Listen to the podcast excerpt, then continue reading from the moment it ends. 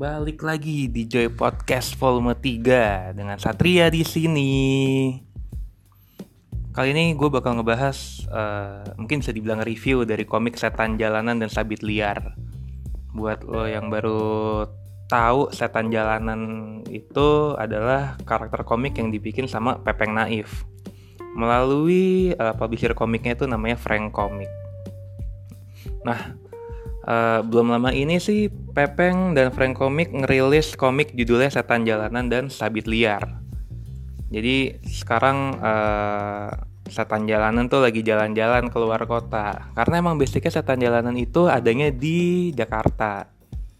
Ya kalau lo ngikutin uh, setan jalanan, ya harusnya lo udah tau lah ya setan jalanan itu ceritanya kurang lebih kayak gimana sosoknya kayak apa dan buat kamu yang belum tahu setan jalanan itu dibikin Pepeng kalau nggak salah tahun 2014 atau 2015 agak lupa dan dia punya uh, tiga volume.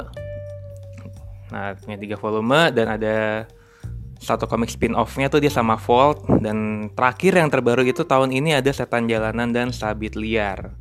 Tapi menariknya setan jalanan dan sabit liar ini gue suka banget sama konsep dari visualnya. Visualnya itu menurut gue tuh ya Indonesia banget lah. Kalau lu dulu sempet baca komik-komik Indonesia yang lama menurut dan kayak ya visual-visual komik tahun 80-an mungkin 70-an juga kalau udah ada kayak komiknya Gundala dulu terus ada yang macam-macam lah pokoknya yang lama-lama Satan Jalanan dan Sabilar ini ya kurang lebih visualnya 80s 80s gitu deh menurut gue keren dan ini kayak Indonesia banget sih Kenapa kayak gitu? Soalnya komik ini digambar sama Ajon Purwo Hanggoro.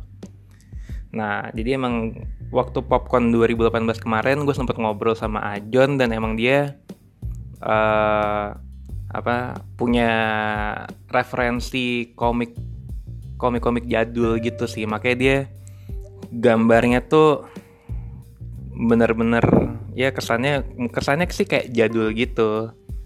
Tapi sebenarnya di sini kalau misalnya mata lo kalau mata lo emang komik kekinian banget sih uh, tenang aja. Soalnya si di komik ini setan jalanan ada sedikit gambar visual yang diambil dari tiga volume sebelumnya. Jadi kalau misalnya mata lu sakit terus lu coba lihat gambar yang lama yang baru-baru ya kekinian aja.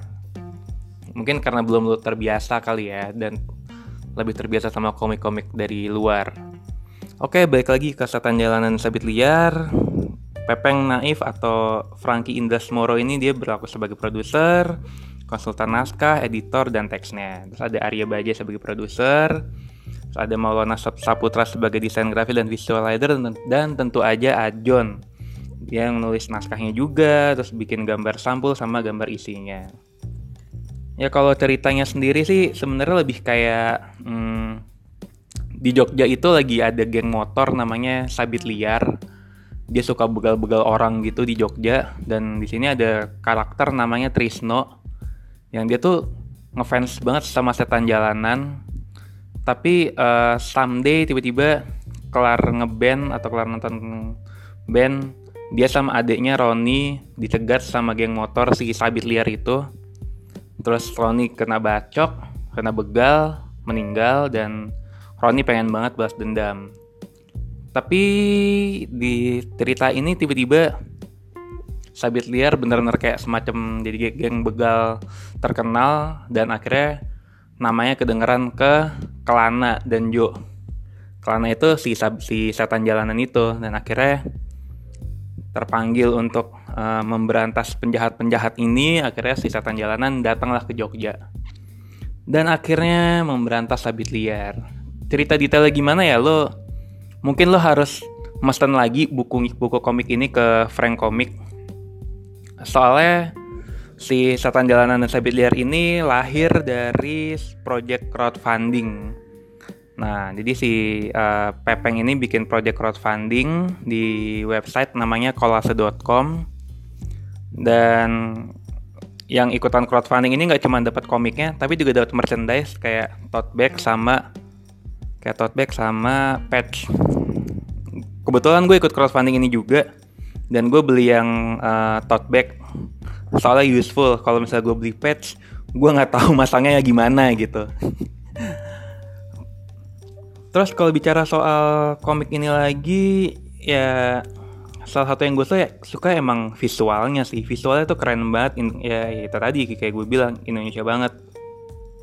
Dari segi cerita ini emang spin off yang seru greget dan gue suka banget soal gimana si setan jalan ini ngehajar si sabit liar.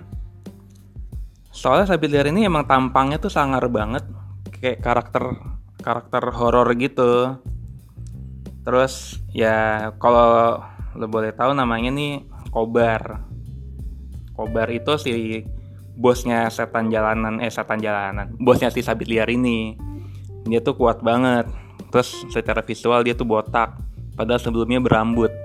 Sehingga mengingatkan gue akan karakter One Punch Man alias si Saitama itu sendiri. Jadi dia kerja keras dulu waktu masih cupu dari berambut sampai akhirnya botak ya. Pas gue baca si Sabit Liar ini ya kayak mengingatkan gue sama si Saitama. Cuman bedanya si Sabit Liar ini jahat si Saitama ya good guy. Gitu. Dan gue sih berharap si setan jalanan dan sabit liar ini mungkin ada lanjutannya kali ya soalnya pas udah kelar baca komiknya tuh kayak semacam gantung gitu. Tapi mungkin lebih ke lanjutannya tuh lebih kayak apakah si Trisno ini setelah ending atau event dari komik ini bakal jadi semacam anak buahnya si Kelana dan Jo? Jadi kayak setan jalanan buka cabang di Jogja?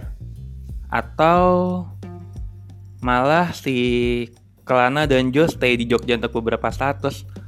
Ada penjahat-penjahat lainnya gitu. Karena di sini diceritain bukan cuman si geng sabit liar doang nih yang berkuasa yang sempat berkuasa maksudnya. Tapi ada juga geng-geng lain yang sempat berkuasa. Dan pastinya masih banyak banget sih kalau misalnya nge-explore uh, ibu kota Jogja. Mungkin ada penjahat apa penjahat apa. Jadi kayaknya mungkin lebih seru ya ya sayang aja sih kalau endingnya tuh si Kelana harus balik lagi ke Jakarta. Padahal menurut gue setan jalanan dan sabit liar ini kayaknya sih emang lebih oke kalau ada lanjutannya. Tapi mungkin ya itu tadi sih kayak yang gue bilang. Kalau dilihat dari bentuk fisiknya sih ini komik fisik ini emang agak tipis sih cuman ada sekitar ya totalnya ada ya hampir 60 halaman lah. Ya sekitar 60 ya 60 halaman 59 halaman itu udah termasuk sama kan uh, apa namanya semacam bio halaman biografinya si Morpheus sama setan jalanan. Jadi kayak di terakhir ini tuh dijelasin kayak helmnya ini punya kemampuan apa terus kayak kostumnya terbuat dari apa motornya juga ada ada spesifikasi apa aja. Keren sih. Gue suka nih sama nih komik. Jadi emang sebelumnya gue udah pernah baca komik ini duluan sebelum uh, apa namanya sebelum dirilis secara resmi setelah uh, Pepeng dan Frank Komik ini bikin crowdfunding project di Kolase. Alias gue sempat baca dan punya uh, edisi hardcovernya di kantor ya edisi Popcorn 2018 itu sih. Kalau yang di kolase ini dia kayak soft cover gitu, tapi isinya tetap sama. Cuman ya menariknya adalah lo dapat merchandise langsung. Dan kayaknya sih merchandise-nya nggak bakal dirilis lagi yang yang udah dirilis di kolase, maksudnya yang dirilis lewat kolase nggak bakal dirilis lagi, uh, dirilis, dirilis sama gitu kayak kayak versi regulernya jadi kayak di kolase ini cuman cuman eksklusifnya gitu. Dan gue termasuk salah satu yang beruntung karena bisa dapetin tote bag eksklusif dari setan jalanan dan sabit liar.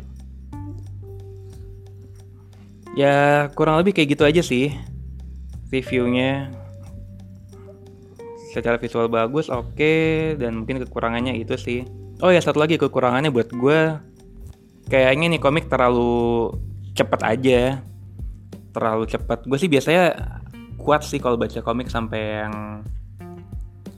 80 halaman atau mungkin 100 karena seru aja karena ya gue baca komik sambil menikmati visualnya dan baca-baca teksnya sih. Ya iyalah baca komik gitu. Apa sih nggak mau dinikmatin selain visualnya? Dan serunya lagi sih visualnya oke ceritanya menarik cuma ya sih emang emang salah satu pesan yang pengen disampaikan di sini tuh lebih kayak lo harus hati-hati sama yang namanya bullying. Kalau misalnya lo ngebully orang, meskipun meskipun menurut lo bercanda, tapi kalau menurut orang yang lo bercandain itu dia termasuk bullying, mungkin dia nanti bisa berubah jadi sosok yang jahat kayak si Kobar alias kepalanya setan eh setan jalanan, kepalanya si sabit liar ini. Karena setelah gue cek lagi emang pesan yang mau disampaikan sama Pepeng sih itu ya. Karena isu dari bullying ini tuh selama 2018 dan 2017 tentunya jadi kayak semacam isu yang anget dan salah satu isu yang terus dibicarain dan apa ya beberapa kali sempat di diangkat ke komik strip di beberapa komikus lainnya termasuk Pepeng ini ngebahas di komik Setan Jalanan dan Sabit Liar. Ya gue nggak tahu sih uh, Mas Pepeng ini risetnya uh, pakai apa dan gimana datanya dari mana aja sampai akhirnya terciptalah karakter si Kobar ini which is dia lahir dari uh, apa? Lahir dari masa-masa uh, bullyingnya jadi dia emang sempat dibully terus akhirnya jadi jahat gitu. Ya gue nggak tahu sih itu bisa lahirnya dari mana. Makanya data risetnya itu seperti apa gue nggak tahu tapi ya menarik banget sih. Oke, kalau misalnya lo pengen tahu lebih lanjut soal setan jalanan dan sapi liar, tapi lo nggak ikut project crowdfundingnya di kolose.com, nah mungkin lo bisa request minta komiknya dicetak lagi nih sama Mas Pepeng. Kurang lebih gitu aja review dari gue kalau misalnya lo pengen tahu lebih lanjut soal review-review apa Joy Podcast, lo bisa follow Joy Podcast ini di Spotify dan kanal-kanal podcast lainnya. Dan kalau misalnya pengen tahu lebih lanjut tentang dunia pop culture, lo bisa follow joypixel.id di Instagram, sorry joypixel.id di Instagram, dan lo bisa uh, baca-baca uh, artikel mendalam seputar dunia pop culture di website kita namanya joypixel.id itu aja yang bisa gue sampaikan di Joy Podcast volume 3. Sampai bertemu di Joy Podcast selanjutnya. Thank you.